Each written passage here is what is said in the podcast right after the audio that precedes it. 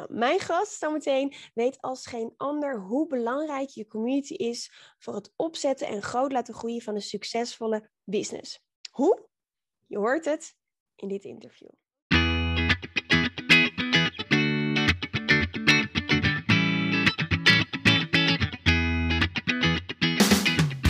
Welkom bij de We Love Communities podcast van Maartje Blijleven. Nummer 1 bestseller-auteur, keynote spreker en al 20 jaar digital community expert voor bedrijven als Endemol, KLM, Facebook en voor ondernemers. In deze podcast krijg je inspiratie en concrete tips om een grote groep fans om je heen te creëren die niet kan wachten om klant te worden met jouw eigen online community zonder moeilijk gedoe. Yes, we love communities.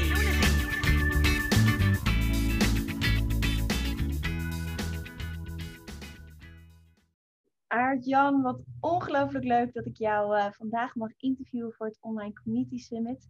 Nou, wij kennen elkaar al best wel lang, uh, maar voor de mensen die jou nog niet kennen, kan je jezelf even voorstellen. Ten eerste, dankjewel voor de uitnodiging, Maartje. Heel leuk. Um, ik noem mezelf de beruchtste copywriter van Nederland. Dat heeft ermee te maken dat ik mijn mailinglijst elke dag een uh, marketingmail stuur. Daar zullen we het vast nog wel even over hebben. Ja. En uh, wat ik doe is, uh, eigenlijk leer ik ondernemers hoe ze zelf, uh, zichzelf beter gaan verkopen met hun eigen woorden. Een copywriter, dat is iemand die, die, die verko verkoopt met zijn toetsenbord. Dat is eigenlijk copywriting. Dus het is niet, voor de duidelijkheid, het heeft niks met auteursrecht te maken. Het heeft echt met het, het schrijven van copy te maken. En ja, copy, dat is tekst die het gedrag beïnvloedt van de lezer. Dus en ja, dat is een hele belangrijke vaardigheid voor een ondernemer. En ondernemers, dat zijn mijn klanten. En um, ze komen bij mij omdat ze de bekendste naam in hun markt willen worden. En klanten voor het leven willen krijgen die de hoofdprijs betalen. En ja, dat is eigenlijk de transformatie waar ik mijn klanten bij help. Ja, mooi. En dat ja, doe ik in de vorm van online trainingen en memberships en uh, geen communities, maar wel boeken en um, andere dingen. Ja, keynotes. Ja keynotes, uh, je staat op congressen. Ja. Uh, en ik ken jou uh, van jouw website schrijven voor internet. En wat wel leuk is, Aartje, want dat weet jij waarschijnlijk niet, of misschien ook wel, is wij kennen elkaar van de Postco Loterij, waar ik heel lang geleden werkte en waar jij je de training gegeven. En ik als braafste meisje van de klas heel goed mijn werk had gedaan en jouw boek had gewonnen. Daar was ik heel erg blij mee. Leuk, ja. dat weet ik nog goed. En wat leuk is, is, uh, is na die tijd, uh, na de postcoloderij tijd, uh, ging ik gewoon weer lekker freelance. Ik zat daar ook als freelancer. Maar ik heb altijd contact gehouden met de oprichter van de postcoloterij, Boudewijn Poelman. En Boudewijn, die geef ik eens in de maand, en, of eens in de twee maanden, geef ik dan bijles, zoals hij het zelf noemt, over digital. Oké. Okay. En um, Boudewijn is, uh, naast dat hij uh, fijn is voor mij, is echt mijn ambassadeur. Maar hij is, zonder dat jij het weet, ook jouw ambassadeur. Maar dat wist jij niet, hè, denk ik. Ik weet dat hij een klant van in mijn, in mijn membership is. Maar ja. dat hij ambassadeur is, wist ik niet, nee. Ja, want hij, uh, hij, nou ja, hij heeft mij natuurlijk weer gezegd... Ja, heb je die mails van Art-Jan gezien? Want die is zo goed in...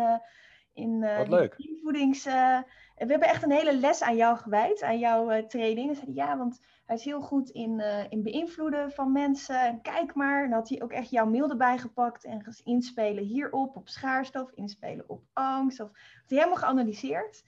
En ik heb nu via uh, Boudewijn vorige week een nieuwe klant gekregen. Dus Boudewijn is echt mijn ambassadeur. Maar hij heeft niet alleen uh, mij aangeraden, maar hij heeft ook jouw lab aangeraden bij, bij die twee ondernemers. Dus hij is echt een ambassadeur. Ja. Wat leuk, wat, wat goed. Wist ik niet. Nee, Nee, en dat, en, en dat vind ik interessant om het daar uh, met je over te hebben. Daarom stip ik het ook aan. Want uh, ja, wat je onder een online community uh, verstaat, dat ligt er net aan hoe je het insteekt, zeg maar. Ik zie online communities heel erg als een groep mensen die iets gemeenschappelijks heeft. Dezelfde pijn, ambitie of, of passie. Hè? Bijvoorbeeld nou, de, de, de drive om de beste expert in je markt te worden, waar jij bijvoorbeeld ondernemers bij helpt. En, um, maar een community kan dus in een groep zijn, bijvoorbeeld een Facebookgroep of een community op je eigen platform, maar het kan dus ook gewoon de mensen, de klanten die om je heen verzameld zijn, uh, die ook echt jouw ambassadeur worden en jou dus via mond-tot-mond reclame aanraden. En zo'n community, daar zit jij natuurlijk veel meer in. Ja. onder andere met, met je mailings die je stuurt, maar ook eh, keer op keer eigenlijk eh, de producten, de nieuwe producten die je aan je bestaande community aanbiedt. Kan je misschien ons een beetje meenemen in je reis als ondernemer? Want je was niet altijd ondernemer. Je was eerst, werkte je voor onder andere Booking.com en dat soort bedrijven. Ja, ik was eerst echt een, copyright, een klassieke copywriter die je gewoon kon inhuren.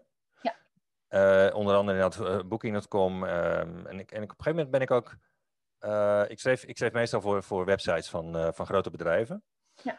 En op een gegeven moment ben ik me echt gaan verdiepen in beïnvloeding van hoe kun je nou met, met een website meer verkopen? Wat moet je dan op die website zetten? Nou, dat bleek een onderwerp te zijn waar, waar veel mensen uh, kennishonger naar hadden. Dus heb ik daar een, op een gegeven moment had ik er zoveel over geleerd en zoveel toegepast en zoveel zelf ook weer over geleerd dat ik er een boek over heb geschreven. Dat heet Verleiden op internet. En dat gewoon omdat ik het leuk vond om te kijken hoe ik een zoveel mogelijk mensen kon gaan bereiken en van datgene wat ik had geleerd een product kon maken. Zodat ik niet iedere keer dat zelf hoefde te, gaan, te komen toepassen bij een klant, maar dat klanten dat ook op die manier van mij konden leren. Dus ik zocht eigenlijk naar een manier om een expertiseproduct te maken, dat, dat je in, in, in onbeperkte hoeveelheden kunt verkopen. Het boek was mijn eerste poging daartoe. En, de, en dat was in, in feite was dat boek ook um, hoorde bij mijn eerste pogingen tot het, het vormen van mijn tribe of van mijn community. Van mensen die het interessant vinden wat ik ze kan leren. En ja, daar is de, de reis eigenlijk begonnen. Eerst met, met het delen van heel veel kennis door te bloggen en door Twitter vooral te gebruiken in die tijd. Toen kwam er een boek, dat boek Verleiden op internet. En um, wat jammer was aan dat boek was dat ik er op een gegeven moment achter kwam van... Ik zag het als een, een product wat ik kan verkopen en waar ik geld mee verdien. Maar ik kwam erachter dat, het, dat een boek heel iets anders is dan een product. Een boek is eigenlijk geen expertiseproduct, maar het is een marketingtekst. Ja. Het is een manier om. Kijk, als je, als je een boek vergelijkt met een, uh, een, een, een, informatie, een, een cursus of training die je verkoopt, een training kun je honderden of duizenden euro's marges opmaken. Een boek verdien je 1 euro mee of een euro en nog iets. I know. Ja, dus daar, daar verdien je, daar verdien je ze niet mee. Nee. nee, dus wat je nodig hebt is een verdienmodel dat achter dat boek aankomt. Ja. Uh, maar het leuke van een boek is wel, als je het vergelijkt met andere marketingteksten die je kunt schrijven, bijvoorbeeld een artikel voor je blog of iets voor op Facebook of Twitter of zo, of een video voor op YouTube die je maakt.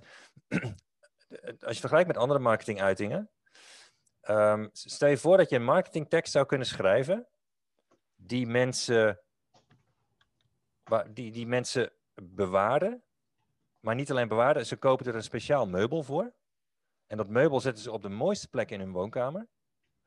En ze bewaren jouw marketingtekst daarna tot aan hun dood. En in de tussentijd geven ze het cadeau aan hun beste vrienden op hun verjaardag. Stel je voor dat je zo'n marketingtekst zou kunnen schrijven. Dat zouden we allemaal wel willen, hè? Nou, en dat kunnen we dus ook allemaal. Want dat is precies wat er gebeurt als je een succesvol boek schrijft. Wat mensen leuk vinden om te lezen en leuk vinden om met anderen, aan anderen te geven. Dat is het mooie van een boek. Het mooie van een boek is niet dat je er zoveel geld mee verdient. Het mooie van een boek is dat je urenlang eigenlijk in het oor kan fluisteren van jouw klant. Want je kunt, als je slim bent, dan neem je het ook op als een luisterboek. Je hebt dus het ook zelf opgenomen als luisterboek, toch? Ja, mijn tweede boek wel. Mijn tweede boek wel, ja. ja, ja en dan, mijn eerste boek staat heel veel plaatjes in, dus het had geen zin als luisterboek. Maar dan, dan liggen ze dus bijvoorbeeld daadwerkelijk in bad met jou. En te luisteren, of ze liggen in bed met jou. Te luisteren naar jou, of ze lopen met jou door het bos, zoals ik vaak doe als ik luisterboeken beluister.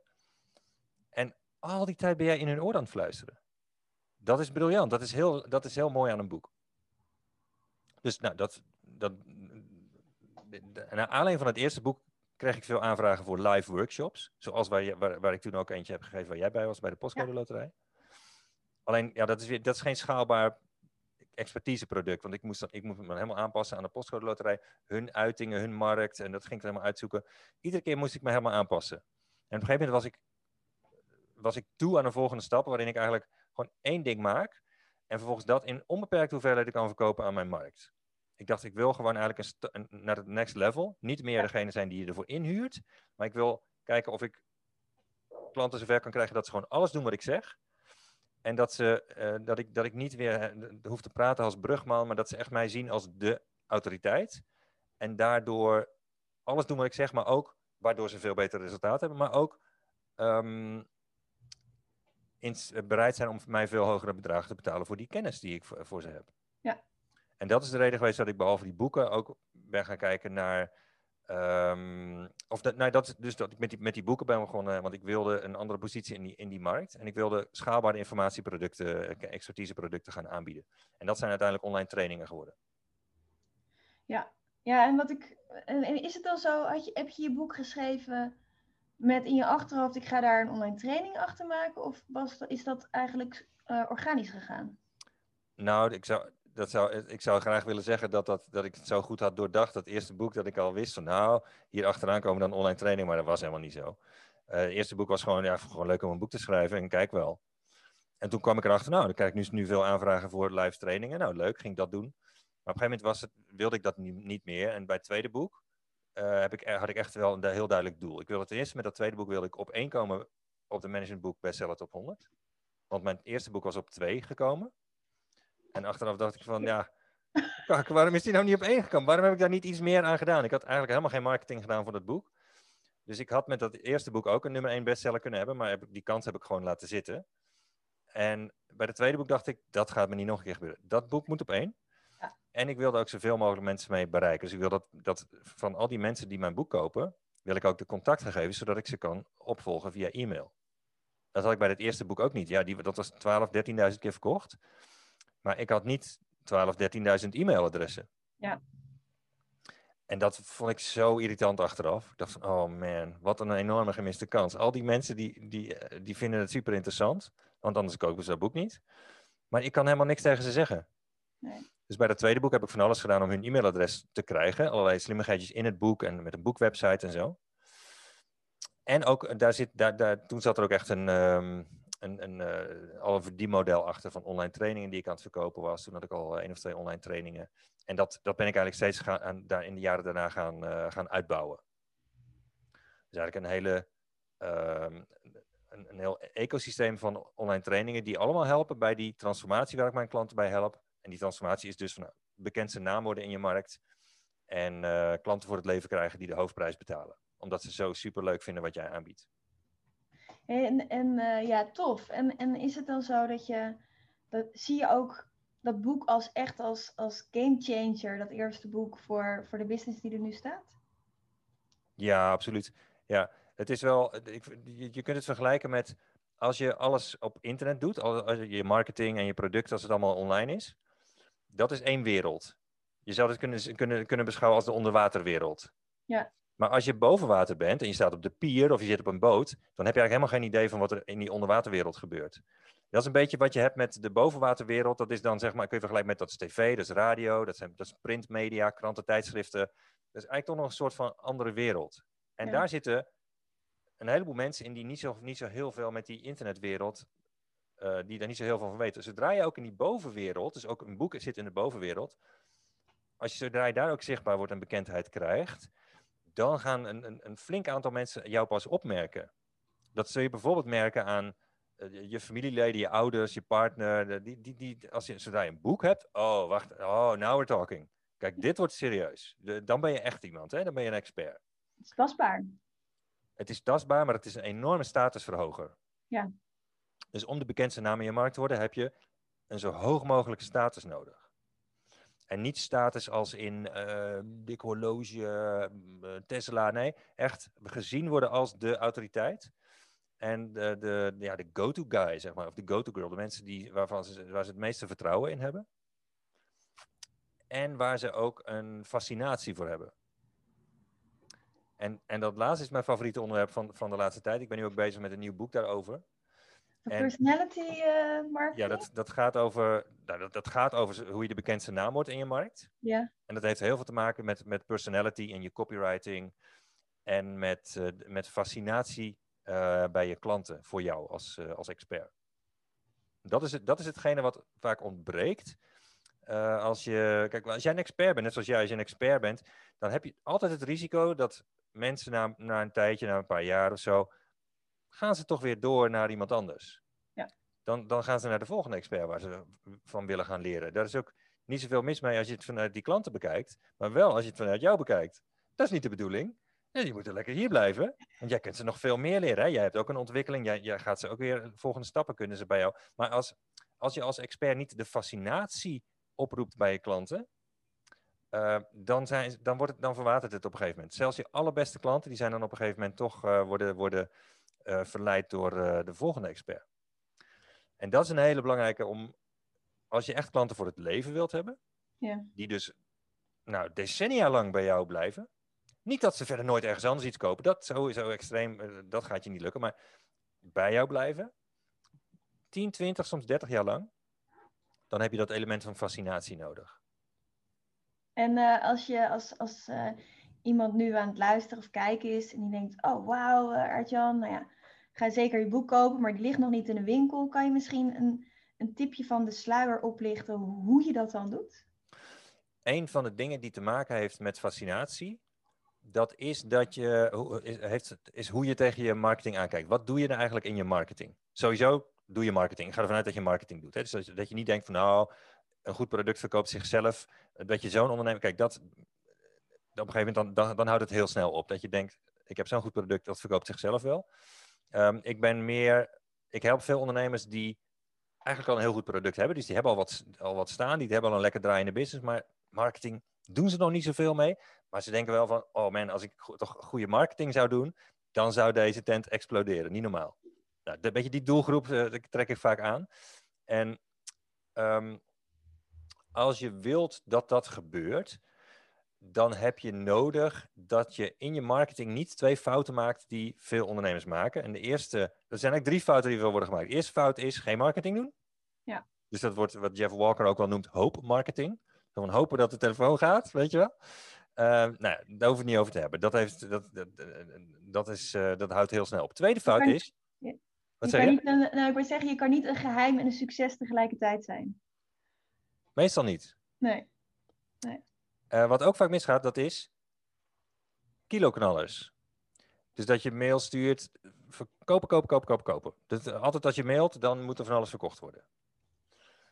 En dat wordt een soort schreeuwerige reclamefolder, is, jouw is jouw mail dan, hè? Of jouw marketing.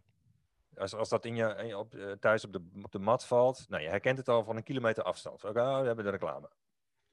Als je zo mailt, daar zijn mensen heel snel op uitgekeken.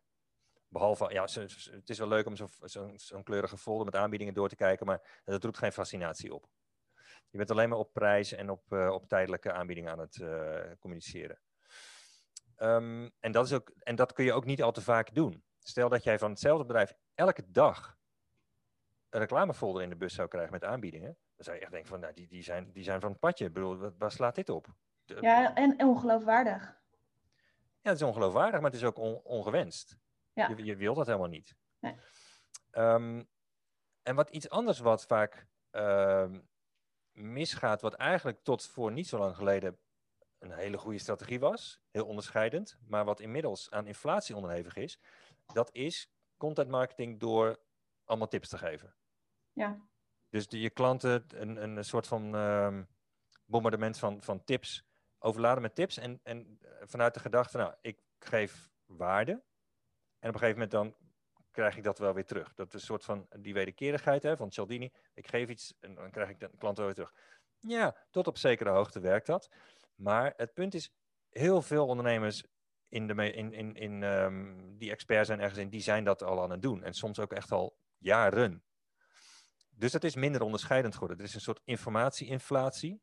Ja. Uh, YouTube staat vol met gratis tutorials over wat je ook maar wilt leren. En gratis. Er zijn van die sites zoals Skillshare en Udemy, waar het voor twee tientjes kun je daar een training kopen over van alles en nog wat. Nou, dus zeg maar, de onderkant van de markt is gigantisch geworden in, het, uh, in, in informatieproducten. En um, als, je dat, als dus jouw marketing puur bestaat uit tips geven, het wordt ook steeds moeilijker om je te onderscheiden. Plus, heeft nog een nadeel. Um, tips geven, dat is eigenlijk, ben je eigenlijk aan het teachen. Hè? Dan ben je mensen aan het vertellen wat ze, wat ze moeten doen. Je bent ze aan het tips aan het geven. En als je kijkt wie er het meeste geld verdienen? Zijn dat de, de, teachers of zijn het de entertainers? Ja, de entertainers natuurlijk. En dat weten we ook allemaal wel. Dus ja. uh, juf Ellen van groep 8 verdient iets minder dan Beyoncé, zeg maar. Ja. Of, of Lionel Messi. Ja. En daar, daar, het gat ertussen is gigantisch. En als je dat weet, ehm, waarom maak je daar dan geen gebruik van in je marketing? Dus je kunt in je marketing dan wel blijven teachen, maar je positioneert jezelf dan als iemand met een lage status en een laag inkomen. Ja. Plus ook nog eens een keer dat als je terugdenkt aan de teachers die je hebt gehad in je leven, de meeste van ons, de, dat roept een associatie van verveling op. En saaiheid en, uh, en moeten, moeten leren en zo. We hebben heel weinig goede teachers gehad. Dus waarom zou je dan de shit uit je klanten gaan zitten teachen, terwijl dat verveling oproept en een associatie met lage status en laag inkomen? Als je weet dat, dat entertainers dus uh, zoveel waardering uh, krijgen. Dus dat, heeft, dat is die fascinatie. Als je, als je dat gaat doen. Op ik heb dit inzicht ook pas een paar jaar geleden gekregen. 2,5 jaar, drie jaar geleden. Daarvoor teachte ik ook de shit uit mijn lijst, jarenlang. Met als gevolg dat ik een, op een gegeven moment een lijst had van 34.000 e-mailadressen. En op een gegeven moment zijn we gaan kijken hoeveel procent van deze mensen hebben wel eens iets bij mij gekocht. Dat bleek 2,6 procent te zijn. Met andere woorden, nee, haast niemand. Nee. Dus die, die dachten dat ik. Vaak hadden ze niet eens door dat ik een ondernemer was. Want ik, ik, ik stuurde 80% van mijn mails waren tips. Gewoon hele halve seminars zaten in, in één mail. ja. En, en, en 20% van de tijd vond ik dan dat ik wel kon verkopen. Dus dan, dan zat daar een aanbieding in of een webinar of zo. En, maar die mensen die hadden daardoor niet eens door dat ik een ondernemer was. Het was gewoon Adjan, die gast die altijd die, die tips stuurt. En toen ben ik eh, eh, radicaal geswitcht op een gegeven moment naar veel meer entertainen in mails en altijd iets verkopen. Ja. Want ik dacht, ik wil gewoon de, een, een compleet andere uh, geluid zijn in die inbox. En ik wil mensen langer bij me houden. En een, een manier, ja, entertainment dat is nog best wel een, een containerbegrip, maar een manier om te entertainen, dat is door. Kijk, als je kijkt naar waar worden wij door entertained, als, als je s'avonds als we op de bank neerploffen en je hebt een beetje zwaar getafeld en je hebt hard gewerkt, dus je bent moe. Ga, wat, doe, wat zet je dan aan op tv voor entertainment? Ga je dan naar Discovery Channel, zet je dus een, een documentaire op? Of ga je naar Netflix en ga je naar uh, episode 7 van, van seizoen 6 van jouw serie? Weet je, nou, dat, dat is ook duidelijk, hè? Dus dan gaan we naar onze serie. En um, waarom zijn series zo, zo entertaining? Nou, dat komt door de personages die in de serie zitten. Waarom lagen mensen in een slaapzakje voor de boekhandel om nieuwe Harry Potter, zodra die uitkwam, te kunnen kopen? Want ze, ze wilden lezen, ze wilden weten hoe het verder ging met, met Harry en met Ron en met al die personages in die boeken, hè? Ja. Ik heb uh, heel veel uh, Engels en Nederlands, want Engels komt eerder uit. mm. Heb je oh, die hebt de hele serie in twee talen een beetje. Uh, ja. Ja, geweldig. Ja, ja. moet je kijken. Ja, dus, en, en dat heeft met de fascinatie voor de personages te maken. Ja, We willen weten hoe het verder gaat. Precies, en, en cliffhangers werkt ook goed, ja. nieuwsgierigheid opwekken. Um, maar ja, als je iemand, als je kijkt hoe lang jij al ondernemer bent en je hebt ook echt, uh, echt diehard fans die alles van je kopen en die elke e-mail van je lezen. Uh, die je bedanken voor de mooie uh, e-mails die, die jij ze stuurt. Um, heb je niet ook wel eens dat je denkt, oh, wat moet ik vandaag nou weer gaan vertellen? En wie zit er op mijn verhaal te wachten? Vind je dat moeilijk? Nou, dat is wat je snel krijgt als je marketing vooral uit tips geven bestaat. Ja. Want kijk, wat wij, kunnen, wat wij onze klanten kunnen leren als experts ergens in, ja, Kijk, als, als je een keer een week de tijd zou krijgen met een groepje klanten, dan zou je ze in die week zou je ze zo ongeveer alles kunnen vertellen wat je weet. Hè? Dus zoveel, zoveel tijd heb je daar nou ook weer niet voor nodig. Dus dan zou je kunnen zeggen, ja, als dat zo is, hoe kan ik dan mensen 20, 30 jaar lang gefascineerd houden? Dat heeft ermee, en dat is hetzelfde, ehm, eh, als je er tegenaan kijkt van nou, mijn marketing bestaat uit tips geven. En op een gegeven moment dan ben je zelf, word je zelf ook een beetje moe van je, van je eigen tips. Hè? Van, ja. Dat heb ik al zo vaak verteld. Ga ik, nog weer, ga ik nog weer diezelfde tips geven? Dat wordt voor jezelf ook saai. Dus um, als je inderdaad denkt van nou, ik moet elke, elke week een hele goede tipsmail sturen, zoals ik vroeger deed. Ja, dan kan het heel lastig zijn om nog wat te bedenken op een gegeven moment. Zeker als je het al een tijdje doet. Maar als je bezig bent met entertainen en je bent bezig met je eigen marketingpersonage, dus een van de ding om, om te fascineren, dat is dus dat je van jezelf een personage maakt. Dat betekent niet dat je, een, dat je iemand anders hoeft te zijn dan je bent, maar je bent wel een soort van gedramatiseerde versie van jezelf. Op, in ieder geval op sommige punten die je heel slim uitkiest. Een beetje een karikatuur op sommige punten. Dat maakt het fascinerend. Als je dat niet hebt, dat is het verschil tussen Discovery Channel, Netflix-serie. En, en hoe zou je je eigen karikatuur dan omschrijven? Je personality in, die je in je marketing gebruikt? Ja, ik, vind, ik vind je heel lief, Maartje.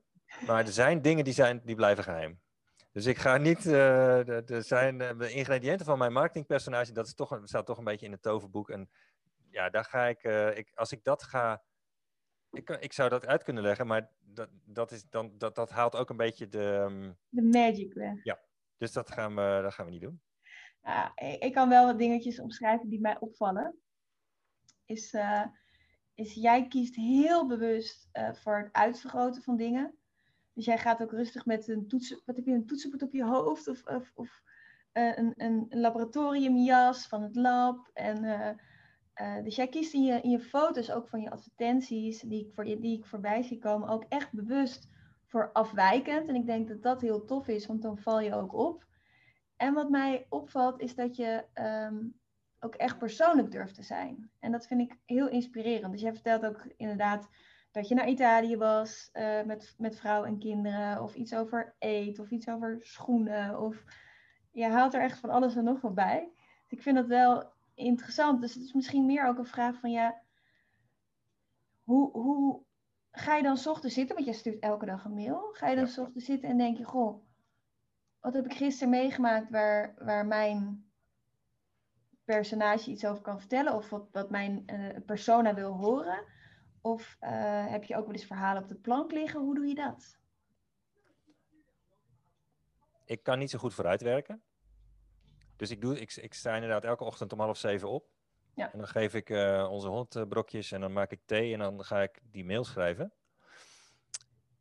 En uh, dat gaat het makkelijkst als ik s'avonds al wist waar ik het de volgende ochtend over ging hebben.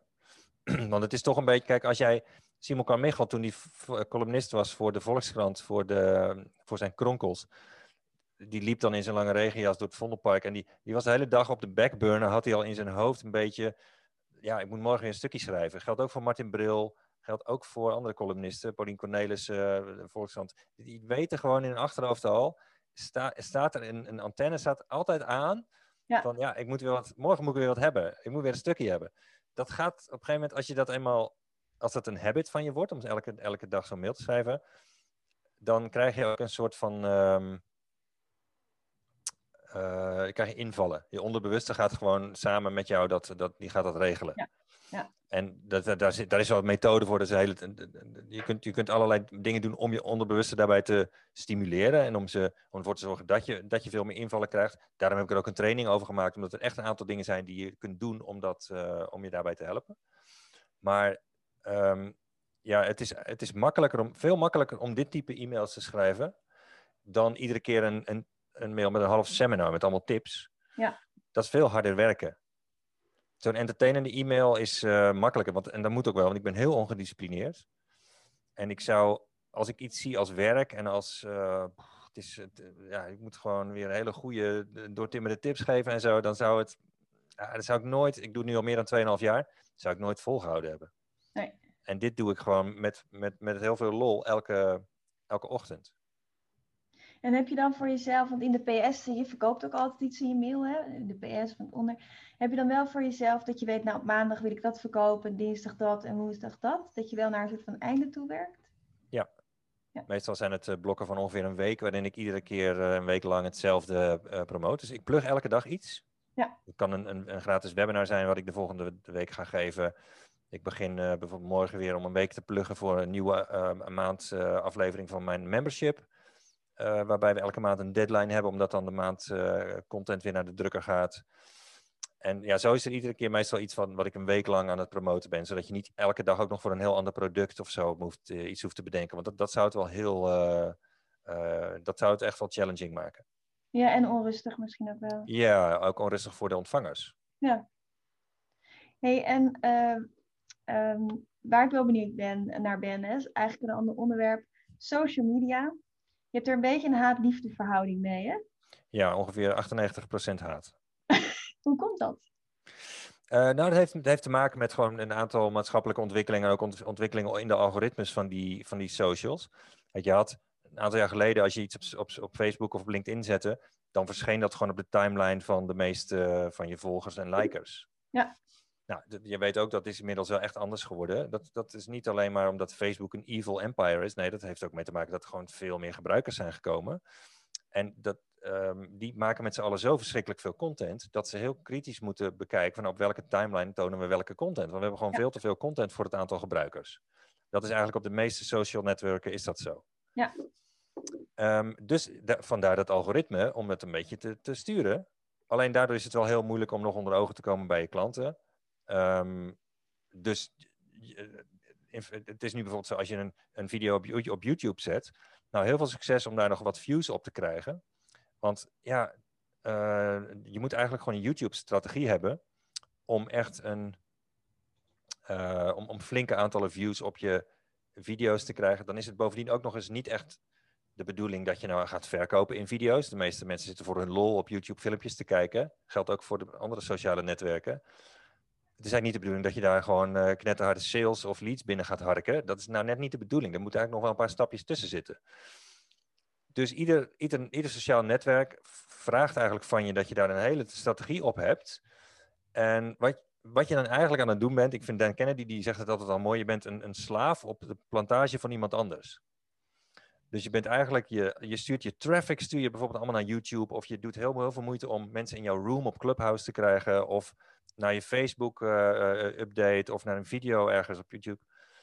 Um, maar je bent allemaal jouw tijd in, aan het steken in de, wat uh, uiteindelijk verdiensten worden voor dat uh, sociale netwerk. Dus die, je bent eigenlijk geld aan het verdienen voor Facebook of voor YouTube, voor Google. En dat kun je wel doen, maar je, kunt daar, je maakt jezelf daar als ondernemer in mijn ogen wel kwetsbaar mee. Ja. Want je hebt geen garanties dat het algoritme niet wordt aangepast. Sterker nog, het wordt continu aangepast. Dus als je heel erg focust op het uh, tevreden stellen van de algoritmes, of het nou het zoekalgoritme is van Google met zoekmachine-optimalisatie, of het algoritme van Facebook om daar veel bereik te krijgen, of om veel views te krijgen op je YouTube-video's, dan kun je van de ene dag op de andere, als er een uh, algoritme-update komt, kun je opeens geen klanten meer hebben. Of het kan zijn als je je inzet op uh, Facebook-advertenties, en dus ook bereid bent om daar fors geld in uit te geven, kan het zijn dat van de een op de andere dag jouw advertentieaccount wordt geblokkeerd door Facebook omdat je een verkeerd woord of zo in een advertentie hebt staan. En succes om hem dan weer gedeblokkeerd te krijgen. Dat kan soms weken duren. En ik ken ondernemers die hebben dat meegemaakt. Het duurde weken of maanden. En die, hun volledige omzet was afhankelijk van Facebook-advertenties. Dus leads binnenhalen, bijvoorbeeld voor webinars, via Facebook-advertenties. Dus die maakten gewoon geen omzet meer. Dus dan kun je, ik waarschuw mijn klanten heel erg tegen uh, zichzelf afhankelijk maken van de, van de socials. Daarmee bedoel ik niet eens als uh, zeg maar jezelf echt verslaafd maken aan het, uh, consumeren. Maar ook het verslaafd maken als ondernemer door, de, door al, al, je leads en sales te proberen binnen te halen via de social. Daar waarschuw ik ze tegen. En ik adviseer ze hoe langer hoe meer om een eigen podium te bouwen.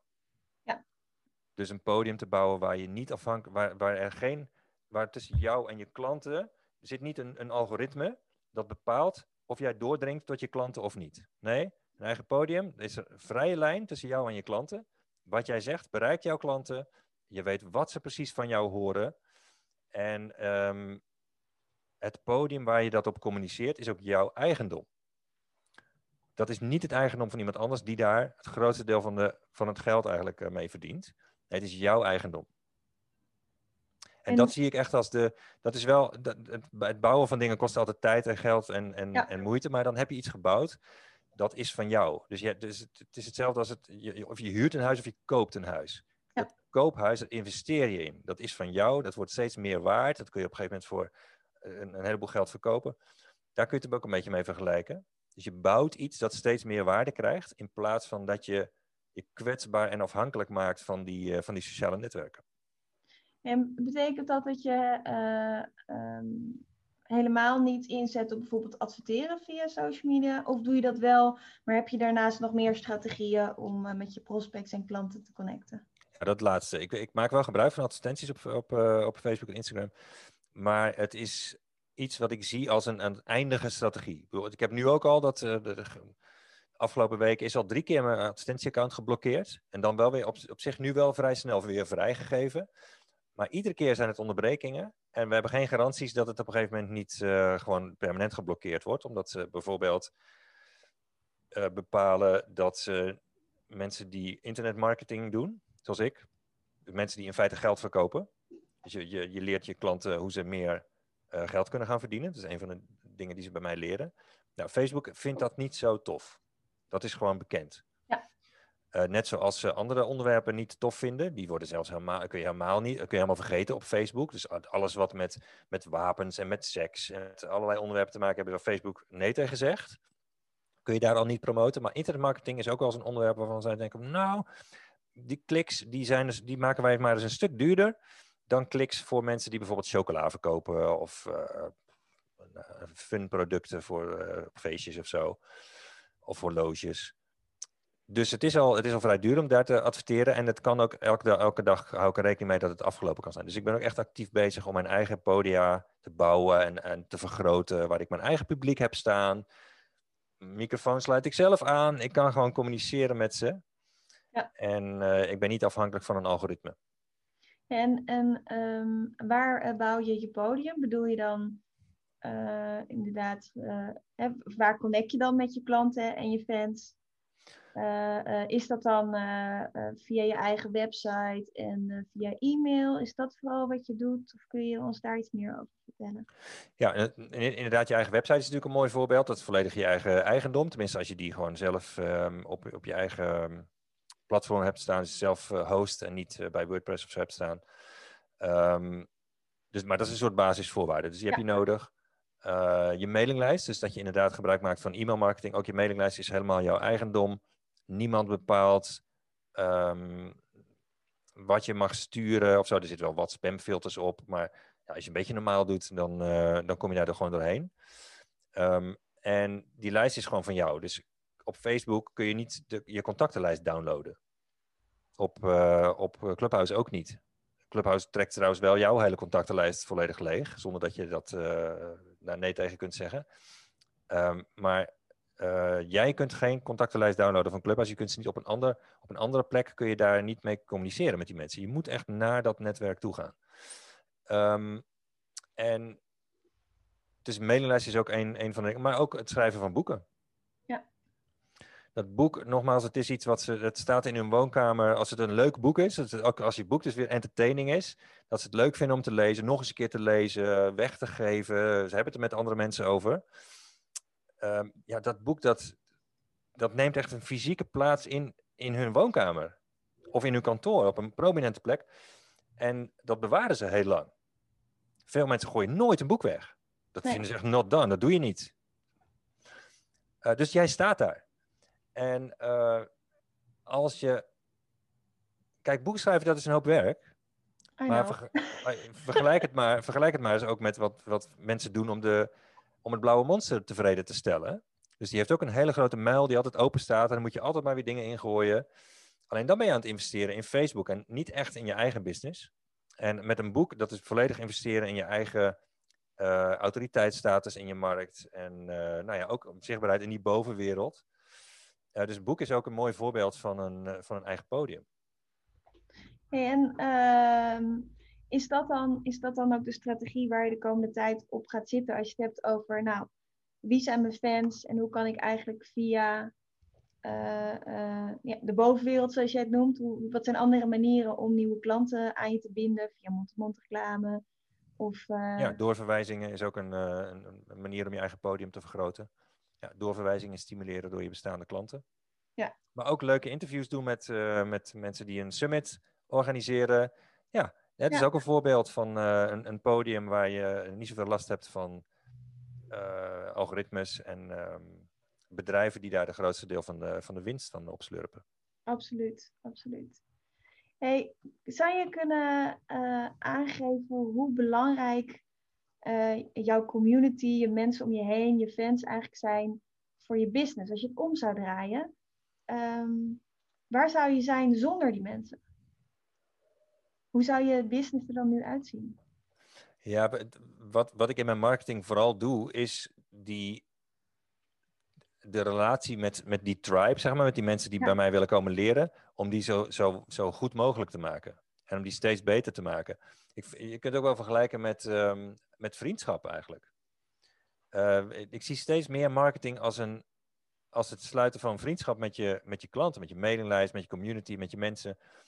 Um, en wat, wat je veel ondernemers ziet doen, dat, die dus van die kiloknallers mails schrijven, dat is een soort, dat is dan zo'n vriend die, die maar heel af en toe langskomt. En als hij langskomt, dan heeft hij altijd wat nodig. Ja. Weet je, of dan, hey, uh, kan ik je auto even een week lenen? Want uh, ik moet naar mijn moeder, die woont in België en mijn auto staat bij de garage. Dus kan je je auto een week lenen?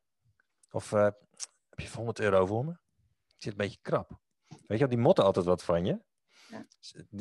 Zo'n vriend kun je zijn als je, als je altijd maar wat wilt verkopen. Je ze horen bijna nooit wat van je en dan, dan kom, je, kom je in de lucht en dan wil je wat verkopen. Maar je kunt ook zo'n vriend zijn die nou, regelmatig even een appje stuurt of even, even binnenwipt of even op de raam klopt. Heb je tijd? Heb je tijd voor, voor een bakkie? Of... Nee? Oké, nou, nou zie, ik zie ik een andere keer wel weer. Weet je, gewoon iemand die belangstelling toont, altijd iets leuks te vertellen heeft of iets die, heeft, die zegt van, ik heb een taart gebakken. Nou, dat ding vult, jongen. Hier heb je, hier een paar stukken taart. Wij krijgen het niet op. Hé, doe je. Weet je, gewoon leuk. Gewoon altijd iets leuks brengen. Elke keer wat anders. Een leuk verhaal, leuk dingetje. dingetje. Eh, of je bent ergens kwaad om, of je, je, je, bent, je bent naar de kloot, of je moet janken dat, dat je club verloren heeft, of weet ik veel wat het is, hè? Uh, dan kom je even in de lucht. Als je, kijk, dat is, dat is hoe goede vrienden met elkaar omgaan. Ja. En zo zie ik het ook in marketing. Je kunt wel altijd maar willen verkopen en altijd wat willen. Maar waarom zou je niet uh, je veel meer als in een vriendschap opstellen? Gewoon heel vaak even wat laten horen. Altijd iets leuks te vertellen hebben. En ook altijd iets, uh, altijd een aanbod. Je kunt dan ook, uh, elke dag kun je iets verkopen. Elke dag iets aanbieden. Dat is ook het voordeel hiervan. Ja, ja absoluut. En um, wat is volgens jou het geheim van een, een succesvolle community? Dus die, die online relatie waar je het over hebt, wat is volgens jou het geheim? Ja, dat heeft, nou, dat heeft te maken met de, de, de entertainmentwaarde in je marketing. Dus hoe leuk vinden ze het om jouw, jouw marketinguiting te krijgen? Want jij kunt wel denken dat jij een leuke vriend bent, maar als ze, als ze denken van, jezus, heb je die gast hier, die komt elke dag langs word daar moe van, zeg. Of die heeft, die heeft altijd wat te zeiken. Kijk, als jij, iets, als jij niet leuk, geen leuke dingen vertelt of ze vinden jou gewoon niet leuk, dan, dan melden ze zich heel snel af natuurlijk. Ja. Doei. Ja. Doei. Ja. Dus um, je wilt wel dat het, dat het entertaining is. Daarmee bedoel ik helemaal niet dat je, dat je elke dag grapjes hoeft te maken. Maar dat, dat, dat er altijd dat het een emotie oproept. Dat is misschien wel het geheim, hè? Dat het een emotie oproept. Ja, dat roept ja. een emotie op. Je, dus je hebt het over, vaak heb je het over iets wat bij jou ook jou heeft geraakt of bij jou iets heeft, uh, heeft uh, opgeroepen. Ja, mooi. Zou je andere ondernemers ook aanraden om te investeren in het, in het opbouwen van zo'n tribe? En, en waarom? Nou, meer dan aanraden. Ik denk dat dat het je, je, je bestaansrecht uh, is. Dus dat je als, je als je dat doet, zeker als je, het ook, als je daarbij niet afhankelijk bent van platformen van andere bedrijven, dat je daarmee echt een, het fundament onder je, onder je business legt. Zeker als je dus klanten voor het leven wilt krijgen die echt heel lang bij je blijven. Dat klinkt misschien als, een, als iets wat onhaalbaar is, maar dat is, dat is echt mogelijk als, je, als klanten in jou gefascineerd zijn. Dus als je echt jouw eigen marketingpersonage ook ontwikkelt. Um, en ja, dat, als, je, als je dat wilt, dan heb je dit gewoon nodig. Ja, ja. ja en wat ik ook tof vind, is, is dat je die de leukheid, de leukheid van het berichtje of van je, dat je langskomt, dat dat ook zo essentieel is. Dus en, en de emotie die oproept, maar ook het entertainmentgehalte. Uh, in plaats van alleen maar die informatie overload verder uh, naar voren te duwen, zeg maar. Dus ik vond het ook wel ja. een hele mooie tip van jou wat dat betreft. Zijn er nog andere tips waarvan je zegt, joh, als je als je daar mee aan de gang gaat, het echt dat personality-based marketing, dat entertainen, die, die relatie opbouwen, zodat mensen ook echt lang klant bij je blijven. Zou je een paar tips kunnen geven waarvan je zegt, nou dat moet je echt zeker, zeker doen? Ja, weet je, wat, wat het vaak is, is dat we in, in marketing zijn we vooral aan het kijken, zijn een beetje om, ons heen aan het kijken. Van nou, wat doen anderen in mijn markt? We willen vooral niet al te veel afwijken of een beetje spannend om echt uit de cirkel te stappen. Hè? Heel veel ondernemers die staan toch een beetje in een cirkel in hun markt, die kijken naar elkaar en doen met elkaar na. Nou, dat is de manier om, om zeg maar een soort camouflage te hebben, want dan ben je volledig inwisselbaar. Ik zat laatst naar een reclameblokje te luisteren op, uh, ik geloof tv, op de radio. En twee of drie reclames in dat reclameblokje, die zeiden dat je, dat je bij hun iets kon kopen wat bij je past. Van bij ons vind je allemaal brilmonturen. Vind, vind het perfecte bril, brilmontuur dat bij jou past. En vind de sneakers die bij jou passen. Of vind de verzekering die bij jou past. Dat bij jou passen, dat hoor je zo vaak in reclames. Moet je zo letten. Dat is echt, dat is, ik, ik, ik noem het ook wel Nederlandse copywriting. Of uh, het, is van, het is hele brave marketing. Het zijn van die clichés. Het is hele brave marketing. Dat is wat veel ondernemers doen. Die zijn heel braaf. Die zijn keurig netjes. Die doen precies wat er van ze wordt verwacht. En niemand zal dat afkeuren. Maar klanten denken echt van... Uh, mag er nog gelachen worden? Uh, ja. Volgens mij is het leven gewoon leuk. En, maar heel veel ondernemers die zijn in het echt zijn ze veel leuker dan hun marketing. En dat is echt wel een tip die ik zou geven van... Echt joh, het leven is kort als je dat doet, heb je dan wel echt geleefd? Ik had laatst een klant, die sprak ik, die, zit, uh, die sprak ik voor een testimonial. En ze zei, ja, ik had vroeger, zij, was, groeide op in de jaren zeventig, ik had twee broers. En die hadden altijd aan tafel het hoogste woord met mijn vader. Ging heel vaak over politiek en de Vietnamoorlog en zo. En ik kwam er niet tussen als klein meisje. En dat, daar behaalden ze van. En op een gegeven moment zei ze, toen heb ik, toen een keer op zondagavond in de tomatensoep geslagen. Dat is een grote soeplepel. De soeplepel zo pats in de, in, de, in de pan met tomatensoep geslagen. Tomatensoep over de nieuwe stropdas van de vader. Iedereen uh, over de zeik. Vader boos, ze moest naar boven. En ze, ze zei daarna, die jaren daarna ik, ben ik eigenlijk heel braaf geweest. Ben ik, uh, daar ben ik zo van geschrokken. Ik heb toen uh, gewoon altijd braaf gedaan wat mensen van me verwachten. Ze, ze, ze werd tekstschrijver en ze ging braaf de boodschap van het grote bedrijf verkondigen in hun website en in hun tekst en zo. En op een gegeven moment kwam ze in contact met mij en ze mijn membership gaan doen en ze is ook mijn, mijn soort e-mails ook gaan schrijven. Ik noem het ook wel epic e-mails. En die, ik zei, wat, wat betekende dat voor jou toen je het op die compleet andere, die meer entertainende manier ging schrijven? En vanaf het moment dat ik die vraag had gesteld in dat interview, heeft ze zitten sniffen. Want ze zei, ja, ik heb toen daardoor heb ik mijn stem gevonden. Ik heb mijn stem teruggevonden. Die, ik had als klein meisje ook al de, behoefte om er, ertussen te komen. Maar ik heb dat jarenlang eigenlijk uitgesteld. En ik heb nu mijn stem weer gevonden. Nu, nu schrijft ze super entertainende e-mails. Ze neemt stelling en ze vindt er wat van. En soms is ze boos. En er is altijd wat te beleven in die mails. Maar het is veel onconventioneel in die markt. Dat doet niemand. En de meeste van je concurrenten die, uh, die, die, die kloppen dan op hun voorhoofd en dan hoor je zo'n hol geluid. Die, die denken dan dat het echt not done is. Hè? Dat kan niet. Die denken echt dat je van het padje bent. Maar dat is perfect. Want die staan nog allemaal in die cirkel.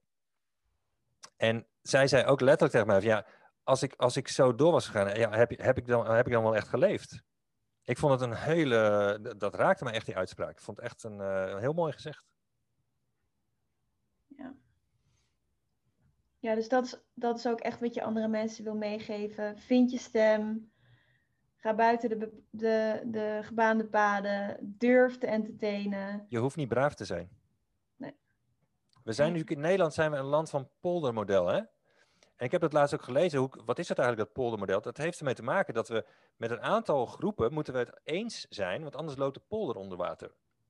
Dus de dijkgraaf moet samenwerken met de boer, met de burgemeester, met de, weet ik veel. Allemaal partijen die met elkaar, het waterschap, moet allemaal met elkaar samenwerken. De een is hoog, de ander is laag. Maar ze moeten samenwerken, anders dan lopen we, hebben, we allemaal, hebben we allemaal natte voeten. Dat werkt nivellerend. Hè? Dus we zijn allemaal even belangrijk in Nederland. En dat heeft ook wel een soort van uh, nadeel dat we daardoor snel braaf worden. Want we durven eigenlijk niet zo onze nek uit te steken. We durven niet iets anders te doen. Je hoeft je niet je hoeft niet arrogant te zijn of je hoeft niet te denken dat je beter bent, maar doe eens een keer wat anders. Doe eens een keer wat anders dan de anderen. Ja, mooi. Ik heb nog één laatste vraag voor je. En dat is, als je nou terugkijkt op, op al die jaren ondernemerschap die je nu erachter achter hebt zitten. Welke drie dingen uh, had je anders gedaan met de wetenschap van nu? Oh, ik had toch even van tevoren het lijstje vragen moeten opvragen, merk ik. Oké, okay, één hekel. Nee. Je hebt zo'n hekel aan dit soort vragen. Ik, ik kan dat gewoon niet zo even bedenken. Ik weet dat eigenlijk niet. Ik nou, moet er echt even op kouwen. Maakt niet uit. Ik weet er wel één voor je. Oké. En dat is oh, dat, je eerste boek. Dat je dat anders had gedaan. Uh, dat je namelijk gelijk e-mailadressen was gaan verzamelen. Dat ja, oh, ja, oh, dat is echt pijnlijk, ja. Ja, ik had inderdaad een uh, manier moeten bedenken om die 12, 13.000 e-mailadressen te krijgen. En ik had ervoor gezorgd dat dat ding sowieso op één was gekomen. Ik, ik was echt meer marketing gaan doen. Want dan, dan had ik nu twee nummer één bestsellers gehad. Oeh, ja. maar die gaat er komen, hè? Wanneer, wanneer, uh, wanneer komt je boek uit? Begin 2022. Tof. En ga je ook weer echt je hele achterban mobiliseren met het kiezen van de cover? Want ik vind dat je dat zo goed ook hebt gedaan. En, uh, ja, dat is superleuk. Dat is superleuk, want een boek schrijven is best wel een eenzaam proces. En uh, ja, het is heel leuk om daar ook je, je tribe bij te mobiliseren, om ze daarbij te laten helpen en om ze invloed daar ook op, op te, te geven. Ik heb inderdaad bij mijn vorige boek ook gedaan. De, de, de, cover en de titel en de ondertitel, dat is allemaal mede bepaald door de toekomstige lezers. En dat was echt anders ook een stuk minder goed geworden. Ja, tof. Hey, dankjewel Aart-Jan. Graag gedaan.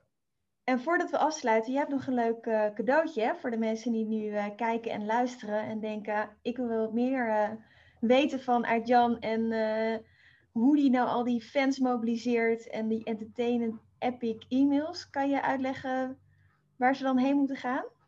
Ja, ik heb een, uh, een video klaarstaan voor jouw kijkers en luisteraars. Die, die heet de Epic E-mail Copywriting Formule. En daarin ga ik uitgebreider in op, nou, hoe schrijf je nou van die mails? Dus wat zijn nou de elementen? Dus wat is de formule die je daarbij nodig hebt om zulke mails te schrijven? En die, um, die video die heb ik klaarstaan op uh, schrijvenvoorinternet.nl slash gratis. Dat is mijn, uh, mijn website. En daar kun je de Epic E-mail copywriting formule vinden. Uh, en uiteraard ga ik je vanaf dat moment ook uh, elke dag mijn, ehm, mijn beruchte politiek incorrecte marketing tip sturen. Dus wees, daar wel van, wees daar wel op voorbereid. Ja, super. Nou, ik ga sowieso die video kijken, want ik heb veel. Ik heb ook je nieuwsbrief en die, uh, de, die weggeeft hoe je je bestseller op nummer 1 krijgt, vond ik ook fantastisch van je. Uh, maar deze heb ik nog niet gezien, dus ik ga zelf ook meteen eventjes spieken hoe je dat hebt gedaan. Mooi. Hartstikke leuk, uh, Aartjan. Ik deel het linkje ook even hieronder, dus dat iedereen meteen kan klikken. Lekker makkelijk. En ja, ontzettend bedankt voor het leuke gesprek. oh, graag gedaan we gaan uh, snel weer, elkaar snel weer uh, spreken en hopelijk uh, binnenkort ook zien. Dankjewel. Top, Box. Succes met je summit, Maatje. Thanks.